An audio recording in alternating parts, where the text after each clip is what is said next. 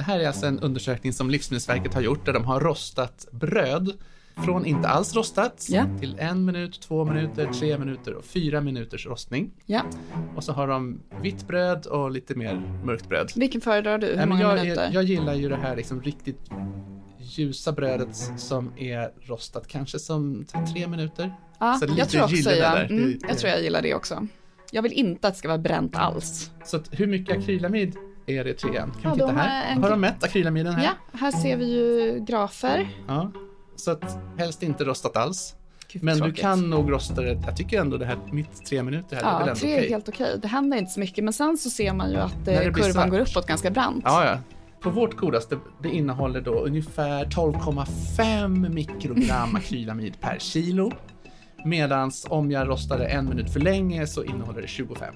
Så hur många kilon kan du äta per dag? Välkommen in i riskzonen. Jag heter Emma Frans och är epidemiolog. Och jag heter Mattias Öberg och är toxikolog. Och vi jobbar båda på Karolinska institutet. Och för ett par år sedan så träffades vi i samband med en debatt som kemikalieindustrin hade arrangerat där vi skulle debattera risker med hormonstörande ämnen, tror jag det var.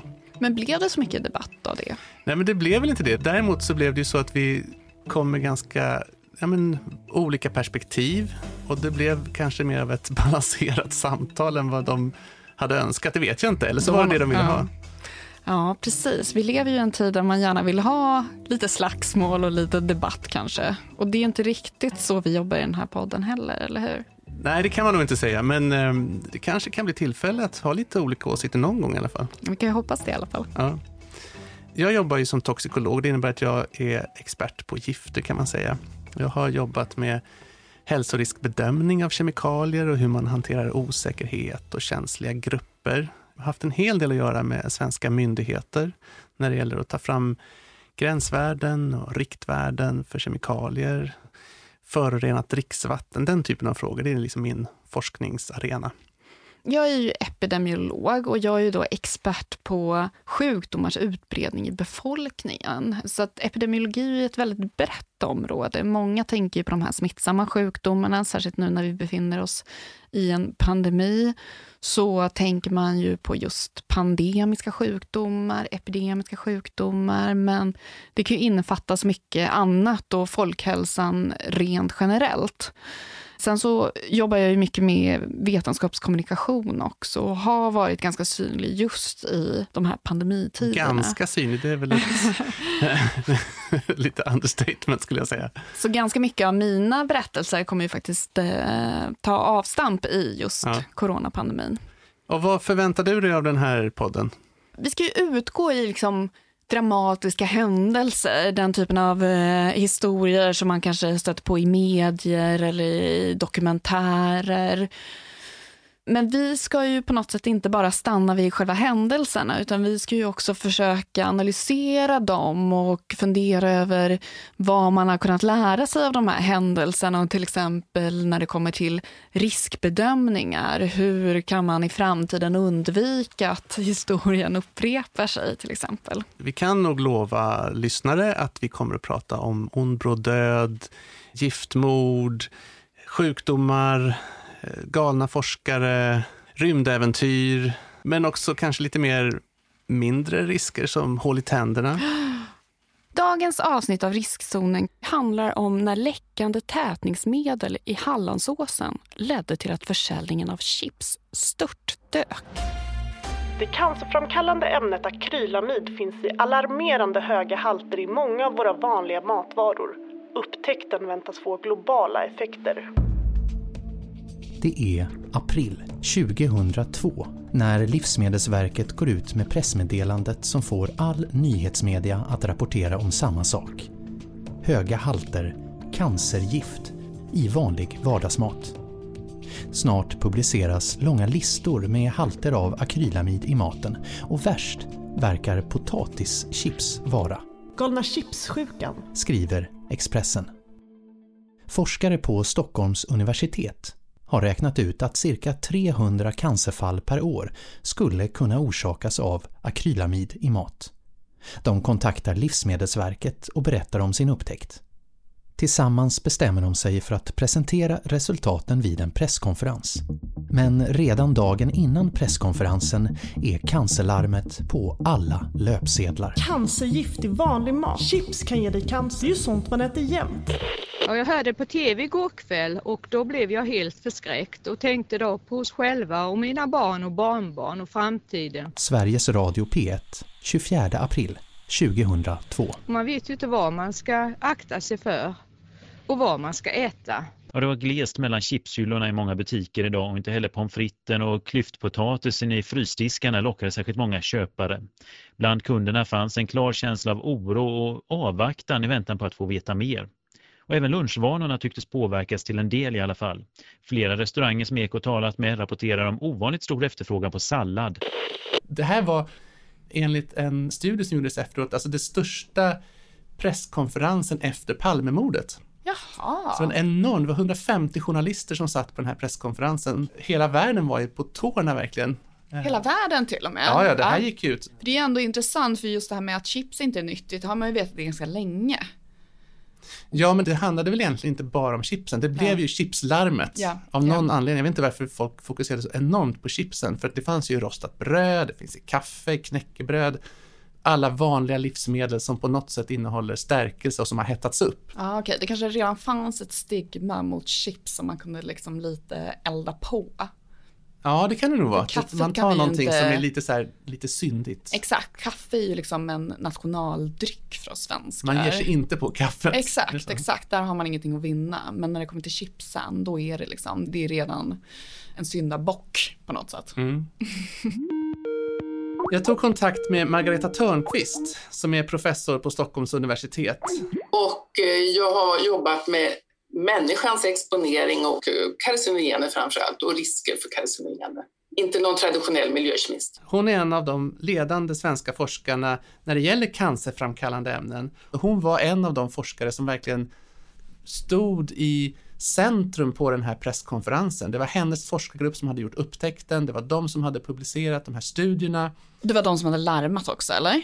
Ja, de, som jag förstår det så kände de ett ansvar att när de gjorde den här upptäckten så tog de kontakt med Livsmedelsverket som i sin tur gick in och gjorde kontrollerade, så att säga, finns det här i våra livsmedel? Och när de såg att, jo, det stämmer, den här forskningen verkar riktig, så känner väl de att de är skyldiga att gå ut och berätta om det här. Man trodde att en presskonferens vore det bästa för att mota Olle i grind liksom. Någonting som jag tyckte var uppenbart när jag pratade med Margareta var att de var så oförberedda på den här kraftiga reaktionen som forskare. De hade ju ingen mediaträning. Eh, de var ju väldigt fokuserade på att få den här artikeln publicerad samtidigt som de kände någon slags ansvar att berätta om det här. För det var ju ändå en ny spännande upptäckt. Och de skickade ut pressmeddelandet kvällen innan och redan samma kväll så var det ju på alla löp. Det är väldigt intressant, för det var ju också en annan tid jämfört med idag. Idag vet man ju att saker kan få snurr. Saker kan bli virala väldigt snabbt. Så du tror att de hade försökt att kontrollera informationsflödet när vi går ut med informationen, då måste vi kunna ha svar direkt, inte Ja. vänta ett dygn. Jag tror kanske att man har blivit lite försiktigare idag i sin kommunikation i och med att man vet att det är lätt att saker får enorm spridning snabbt. Jag vet att en kollega sa att det var kanske kombinationen att det var ett universitet och Livsmedelsverket och att vi hade formulerat den här pressreleasen lite, ja, på ett sätt, inte tänkt på att det skulle ja, sätta som fart på det hela. Det cancerframkallande ämnet akrylamid finns i alarmerande höga halter i många av våra vanliga matvaror. Vi skulle varit ännu mer försiktiga. Upptäckten väntas få globala effekter. Bakgrunden till chipslarmet var ju att Margareta och hennes forskargrupp hade gjort studier på råttor som fått äta stekt mat. Och sen hade de lyckats visa att halten akrylamidadukter, alltså spåret av akrylamid, ökade i råttornas blod. Och i och med att akrylamid var ett känt cancerframkallande ämne i djur och att det nu var visat i livsmedel och via stekt mat kunde öka halten i råttorna så ville man gå ut och varna allmänheten. Men vet du vad jag så här, som epidemiolog brukar tjata väldigt mycket om? När jag, bland annat så i min första bok Larmrapporten så skrev jag just det där att man ska vara lite försiktig med att dra förhastade slutsatser utifrån studier som man har gjort på djur. Och att eh, just när man ser de här cancerlarmen som dyker upp eh, på löpsedlarna så ska man vara man ska vara lite skeptisk. Är det här någonting som man vet från studier på människor eller är det här baserat på djurstudier där djuren har fått extremt höga halter av ett ämne och att det inte nödvändigtvis behöver betyda att det här ämnet är cancerogent eller farligt för människor i lite lägre halter. Nej, men så kan det väl vara att man behöver skilja på vad som är så att säga, en mekanistisk förståelse. Vi vet att det här ämnet kan skada cellernas gener på ett sätt som gör att man kan utveckla cancer på sikt. Det finns så att säga en reell fara. Det är inte samma sak som att säga att den här risken är kanske relevant för människor. Det har ju att göra med doser. De här råttorna fick ju väldigt höga doser för att man verkligen ville se, kan man framkalla den här typen av sjukdom och skada? Så man gör nästan avsiktligt ett experiment som inte är riktigt anpassad efter verkliga förhållanden. Ja, men det skulle jag säga att en poäng med de här studierna är att man vill se, kan det här orsaka cancer? Egentligen inte orsakar det här cancer under normala omständigheter. För visar man att inte ens vid höga doser så får du cancer, ja, men då kan du stryka den här frågan. Okay. Men får du en träff, får du någonting som visar att ja, men det här kan faktiskt skada cellerna och det kan du ju testa både på odlade celler eller på levande djur. Då har du ändå skäl att ta det här på lite större allvar. Ja. Sen blir nästa fråga att se, okej, okay, men hur förhåller sig den exponering vi har i befolkningen till den här äh, faran som vi har sett hos försöksdjuren? Just det. Och det är väl där man ibland, då, som jag förstår det på det, att man kan ifrågasätta om man ska ha så braskande rubriker. Precis, nej men jag säger inte att den forskningen är onödig och inte borde göras. Däremot så tycker jag ibland att man bör vara försiktig i rapporteringen om det och också att framförallt journalister, alltså de vill ju gärna skrämma upp oss. Det är ju ett effektivt sätt att få oss att klicka på rubriker eller att sälja lösnummer. Men man bör också som forskare kanske vara lite försiktig i den kommunikationen i och med mm. att man vet att det finns inbyggt i liksom kanske journalistens uppdrag att väcka uppmärksamhet av alla laster jag har. Ja. Jag kan liksom undvika godis, jag kan undvika läsk. Ja, jag tycker om att dricka vin i och för sig, men annars jag är inte så himla, jag har inte så jättemånga laster, men just chips är, är en last som jag har. Så det ja. äter jag gärna typ en gång i veckan i alla fall.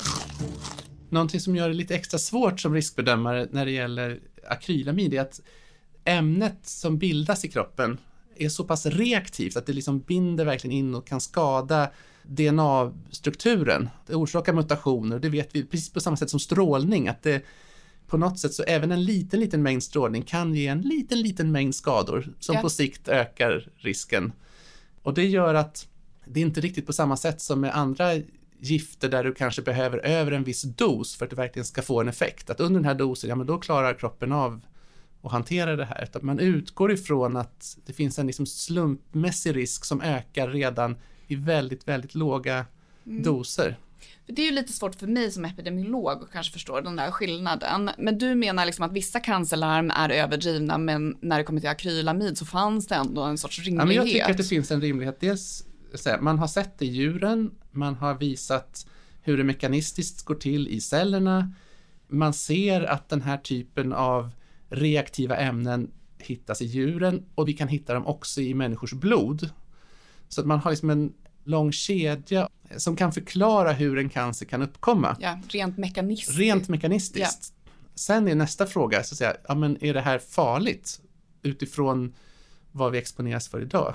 Och det är inte samma fråga egentligen, men ja. det är en jätteviktig fråga för hur ska vi agera på det här? Ska vi liksom ta bort alla akrylamid, ja men då får vi inte dricka kaffe. Stryk rostat bröd, ta bort knäckebrödet, släng potatisen, i alla fall den som inte är kokt. Och dessutom är ju det här någonting som har funnits i vår miljö under väldigt många år och vi har ändå överlevt. Ja men problemet är ju då att vi får ju det här i en låg dos under hela livet. Yeah. Så det lägger ju hela tiden ett litet tillskott till alla de olika cancerframkallande saker som vi utsätts för. Mm. Av flera skäl. Dels är det ju väldigt svårt att påvisat en exponering under hela livet det, på en något sorts sätt. ackumulerad effekt av det du utsatts Absolut. för. Akrylamid var ju inte vilken giftig kemikalie som helst. Fem år före chipslarmet hade ju allmänheten fått upp ögonen för akrylamid i ett helt annat sammanhang. I en helt annan typ av skandal. Det var i samband med bygget av tunneln genom Hallandsåsen. Hallborr. 130 miljoner har hon kostat. En av världens största borrmaskiner. 21 meter lång och en vikt på 950 ton. Det är svensk ingenjörskonst i sitt esse. Atlas Copco har gjort den snillrika konstruktionen och kommunikationsminister Mats Odell besöker i januari 1993 Götaverken i Göteborg för att med egna ögon få se den gigantiska maskinen. På fotografierna ser ministern ut som en liten docka nedanför den jättestora borrkronan som är 9 meter i diameter. I april ska Hallborr börja äta sig in i Hallandsåsen och enligt planen ska man ha invigning av den nya dubbelspåriga järnvägstunneln genom Hallandsåsen redan efter tre år, 1996. Men allt går inte riktigt som planerat. Redan några dagar efter invigningen, den 7 april, förstår man att något är fel. Hallborg, som ska borra två parallella, 9 kilometer långa tunnlar, kör fast i åsens söndervittrade bergmassa och fastnar redan 13 meter in i berget trots sina 4500 hästkrafter. Dessutom läcker vatten ner i tunneln och de boende blir mer och mer oroliga för att brunnarna på åsen kommer sina. När man inser att borren misslyckats får man istället gräva och spränga sig in i åsen meter för meter. Men då uppstår nya problem. Tunneln läcker inte bara lite vatten, den läcker som ett såll. Vad ska man göra? Någon får tips om ett franskt tätningsmedel som används vid andra tunnelbyggen i Europa. Det kallas Rocagil. Principen är enkel. Genom att fylla sprickorna med polyakrylamidgelé ska man täta tunneln och stoppa läckaget. Det blir en rejäl dos gelé man sprutar in i berget. 1400 ton hinner man använda innan man inser att något är fel. Riktigt fel. Den 30 september 1997 märker bonden Bengt Santesson att något är konstigt med korna på åsen. De ligger kvar i hagen, förlamade. Ögonen och huvudet det var ju lika piggt alltså. Så de, de stångade ju mot mig liksom när jag kom närmare dem. Men eh, de var eh, förlamade i bakdelen alltså. De kunde inte resa sig. säger han i P3 Dokumentär från 2007. Ett par dagar senare visar vattenanalyser mycket höga halter av akrylamid. Allmänheten varnas att dricka vatten från egna brunnar. De boende har som tur var inte fått lika mycket akrylamid i sig som korna. Den grupp som fått den allra högsta exponeringen är arbetarna i tunneln. Få av dem har använt någon skyddsutrustning och flera har konstiga symptom. De känner stickningar och domningar. Vissa har även fått andningsbesvär. Det finns inga enkla test för att se om någon exponerats för akrylamid, men en grupp forskare vid Stockholms universitet har utvecklat metoder för att mäta spår av akrylamid i blod och de kopplas in på fallet. Med den nya metoden visar det sig snart att de arbetare som exponerats för högst halter också har de värsta symptomen. Men i rapporten står det också något mer. Det ska också noteras att det finns en viss förekomst av akrylamidadukter av okänt ursprung även i hemoglobin från icke-exponerade individer. Vad var detta? Varför har även helt oexponerade individer spår av akrylamid i blodet? Forskarna börjar leta efter källor i den vanliga vardagsmiljön. När man hittar extra höga halter i blodet hos rökare börjar man att misstänka att akrylamid kan bildas vid upphettning. Forskarna prövar då att steka råttfoder och finner att halterna ökar ju högre stektemperaturen är. Extra höga blir halterna när man steker kolhydratrik mat som potatis. Det kommer som en chock. Om akrylamid finns i stekt potatis kan ju vem som helst vara exponerad. Jag har använt akrylamidgel på labb. Ja, När man ska göra såna här liksom geler med, jag vet inte, nu var det så länge sedan. man ska separera proteiner och sånt där. Ja, eller, vad, Mm. eller om det kan det ha varit RNA eller? kan det nog vara också. Ja. Ehm, och, ja, men det är precis den typen av geléaktigt Ja. material som man tänkt som man Och det fick man ju vara jätteförsiktig med på labb, men det här Ja, var ju, för det att här var ju det är senare. känt cancerframkallande Ja, bland annat. Ehm, Jag tror jag hade några kursare som slängde det i slasken och fick en riktig utskällning. Ja, jo, men jag kan tänka mig att det där ska man nog se upp med. Generellt sett så ska man väl undvika exponering för känt cancerframkallande ämnen. låter Det var klart. ingenting man tog så stor hänsyn till under Hallandsåsen. Man sprutar in alltså tonvis med det här materialet rakt in i berget. Det läcker då upp. Korna börjar få förlamningssymptom. Och det är där den här forskaren från Stockholms universitet, Margareta Törnqvist, rings in. För hon hade nämligen tidigare utvecklat en metod för att mäta just akrylamid. Så det var lite slumpmässig tur där att man hade den här metoden uppsatt.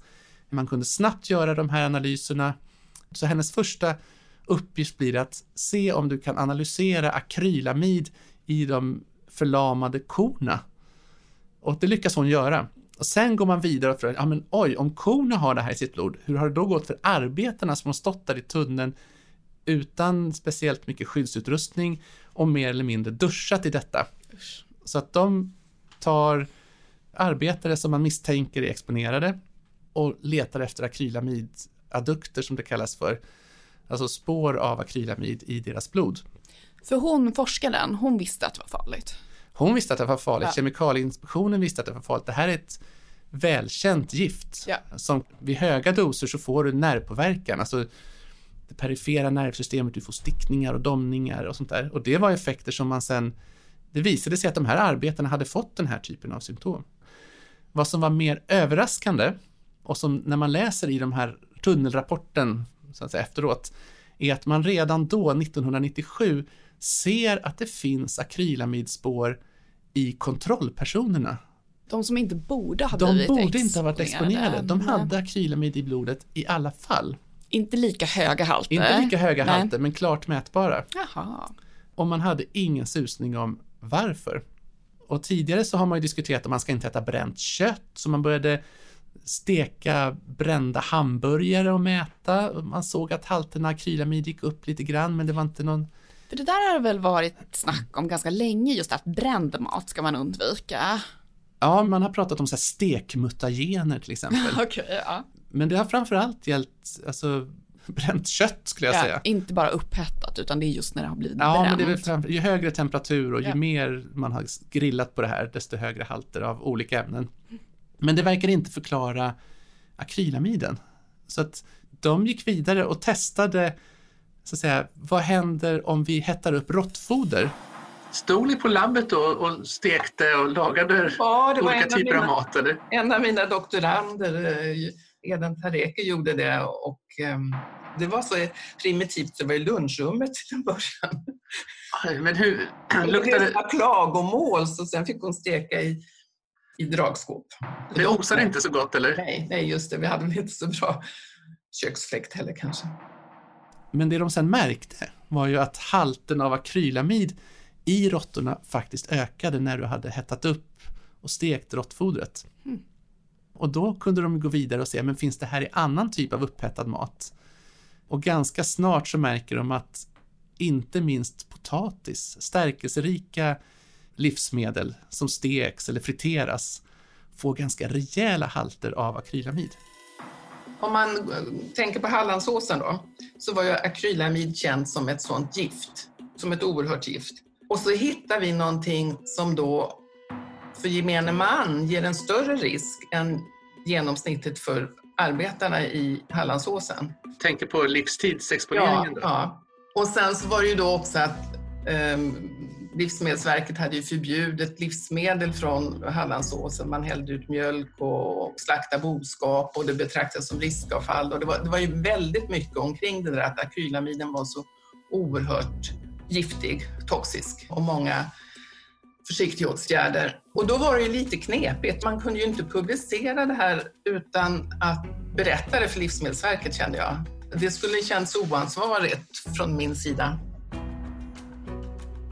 De här epidemiologerna som var kritiska till studien, de gick ut ganska hårt i media. Jag vet att någon av dem gjorde en, en beräkning över hur mycket chips man behöver äta. Åh, vad spännande. Eh, ska se Så jag mycket kan jag äta då? Ja, men det de gjorde då var att de jämför med de här råttorna och då ser man att ett milligram per kilo kroppsvikt och dag. Akrylamid, alltså inte chips hoppas Nej, jag. inte, inte chipsen ännu. Ett milligram per kilo kroppsvikt och dag, då ser man att råttorna får cancer. Okej. Så där går någon slags tröskel. Om man översätter det till chips och utgår från den halt som idag är tillåten enligt EU, det är 750 mikrogram per kilo chips, då kan man äta 1,3 kilo chips per kilo kroppsvikt. Oj. Jag väger 75 kilo. Ja. Det innebär att jag kan äta 100 kilo chips varje dag innan jag når upp till den dos där råttorna fick cancer. Och då har du redan dött av någonting annat. Det finns väl en viss risk att det kan ha hänt andra saker. Gud vad betryggande. Men det Nu är jag ju verkligen team epidemiologerna måste jag Ja, säga. jo, men många känner, ja men vad bra, då gör det väl ingenting om jag äter Ja. 200 gram om dagen. Just det. Om jag kan äta 100 kilo innan jag med säkerhet kommer att få cancer. Efter det så kallade chipslarmet blev det snabbt en diskussion mellan olika forskargrupper. En rad forskare går till motangrepp och kritiserar forskarna vid Stockholms universitet och Livsmedelsverket. Häpnadsväckande agerande av en statlig myndighet. Oproportionellt överdrivet. Oacceptabelt osäkra slutsatser om cancerriskerna. Det här larmet grundar sig enbart på djurförsök. Det säger ingenting om effekterna på människor. För att få säkra siffror för cancerrisker krävs epidemiologiska undersökningar av större befolkningsgrupper. Snart hänger andra debattörer på. Varför hetsade man upp medierna genom att ett dygn i förväg skicka ut ett pressmeddelande som mer eller mindre utlovade en sensationellt skrämmande cancernyhet? Var det bara ett sätt att få mer pengar till en krisande myndighet? Regeringen hade bara dagar innan beslutat sig för att minska anslaget till Livsmedelsverket och nu vill man väl skrämma till sig nya pengar. Jag kände som jag skulle väl eh, gå och skämmas ungefär lite så. Så kändes det ju. Men jag var, jag var väldigt säker på att jag hade rätt. Sen att det kanske blev för mycket ståhej omkring det, det var ju ingenting som jag önskade eller ville ha.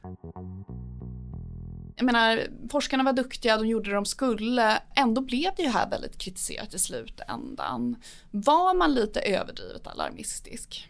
Om det här är djurstudier, jag säger inte att de är irrelevanta för det, men att man ska vara försiktig med tolkningen och att bara för att någonting i höga halter utgör en fara för ett försöksdjur så behöver det inte vara farligt för mig med den typ av exponering jag stöter på i mitt vardagliga liv. Nej.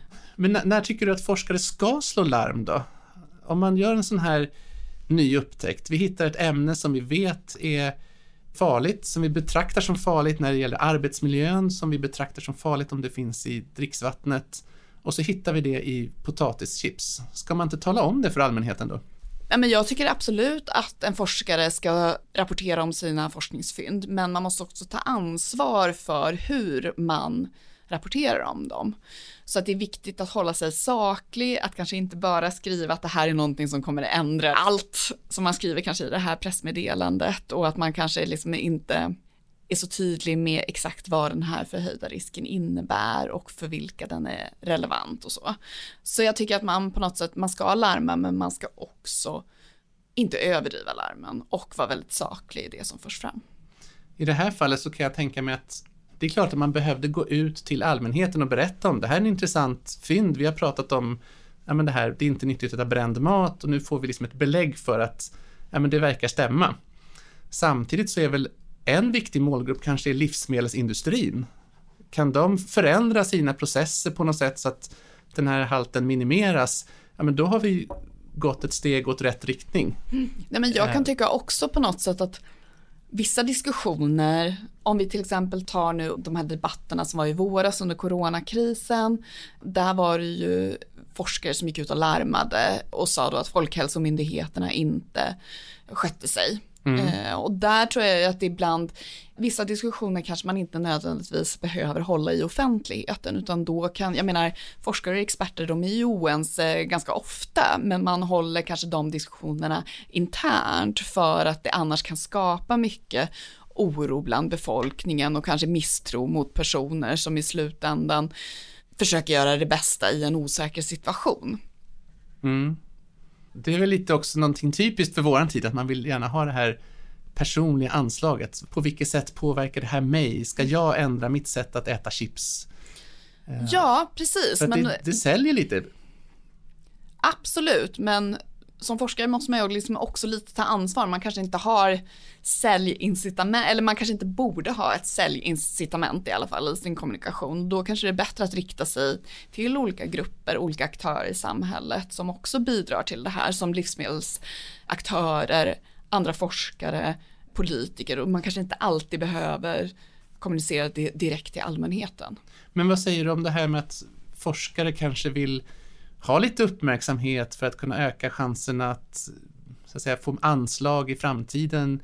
Eller myndigheterna kanske också har ett intresse av att ja, men livsmedelssäkerhet ska komma på agendan för att ja, men helt enkelt bevara sin status bland myndigheterna. Alltså jag tycker det är problematiskt men det är ju säkert oundvikligt i många sammanhang och nu har vi ett sånt system inom akademin också där det är väldigt mycket liksom publish or perish. Så att vi har hela tiden, som forskare har man lite den här stressen hela tiden.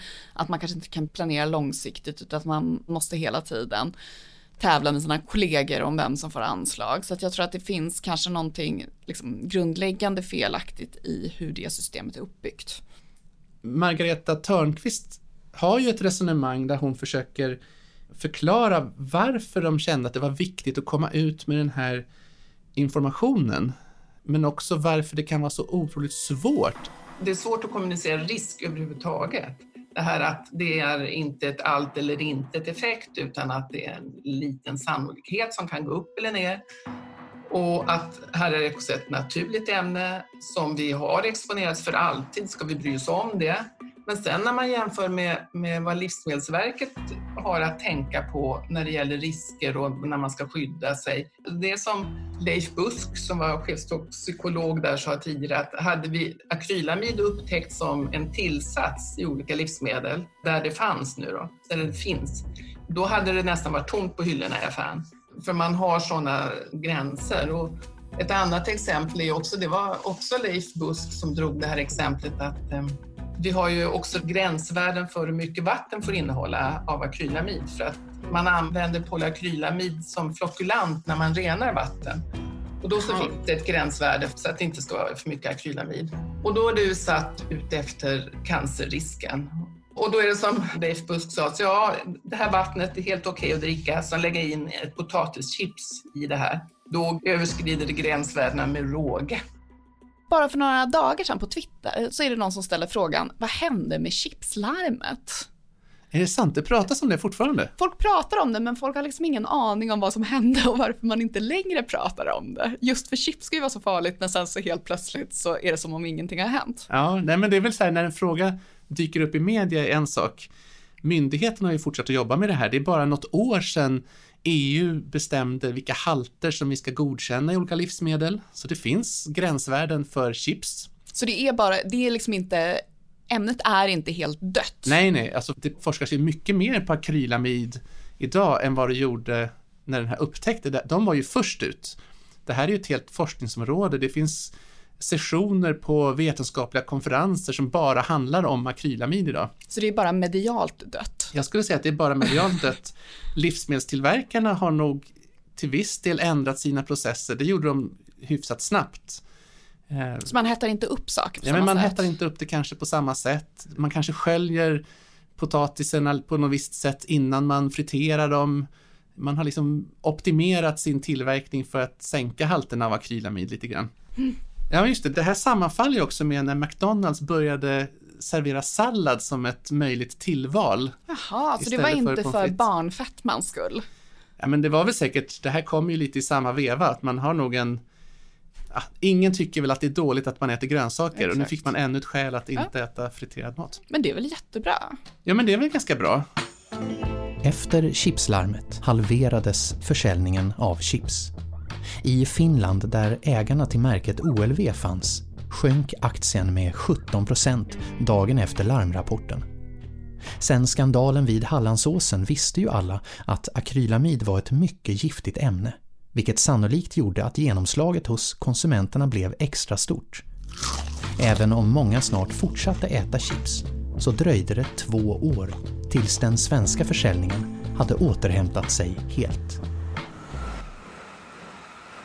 Men hur gick det då med tunneln genom Hallandsåsen?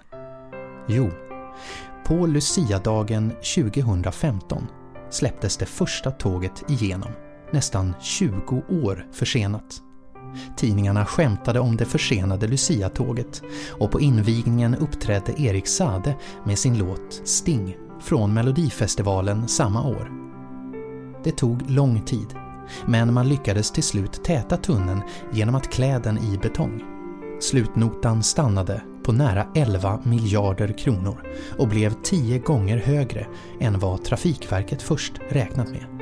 Tidsvinsten för resenärerna hamnade på cirka 13 minuter. Folk slutade ju äta chips, men sen fortsatte vi äta våra fredagschips med god aptit. Jag tror att det var samma med mig också. Jag tror att jag eh, slutade äta chips på fredagar. Det här var ju innan jag hade barn också, så jag tror inte jag hade den här liksom snacks på fredag-ritualen riktigt. Jag frågade ju Margareta Törnqvist om hon hade ändrat sina levnadsvanor och hon menade ju att hon faktiskt hade gjort det. Med lite, lite grann i alla fall.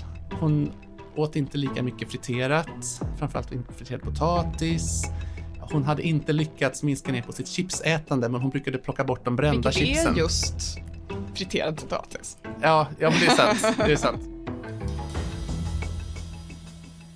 Du har lyssnat på Riskzonen med mig, Emma Frans. Och mig, Mattias Öberg. Vi är såklart väldigt nyfikna på att höra vad du tycker och hoppas att du har gillat det du har hört så här långt. Vill du veta mer eller komma i kontakt med oss så har vi lagt ut länkar, bilder och annat på Riskzonens Facebook-sida. Att du slipper höra oss göra reklam för olika företag och prylar beror på att vi fått ekonomiskt stöd från forskningsrådet Formas. Superstort tack för det. Inspelningen av just det här avsnittet gjordes på Institutet för miljömedicin i Solna. Producent var den eminenta Klara Wallin och vår inläsare var Peter Öberg. Idag blev det mycket chips och fredagsmys kanske, men det kommer mer och betydligt allvarligare risker och hot. I nästa veckas avsnitt av Riskzonen kommer vi att ta upp det kanske största hotet mänskligheten ställs inför, klimatförändringarna.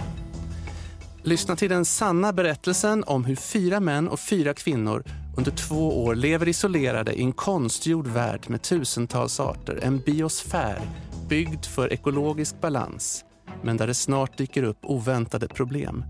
Det blir science fiction, men utan fiction. Nu spärrar vi av riskzonen för idag. Hej då!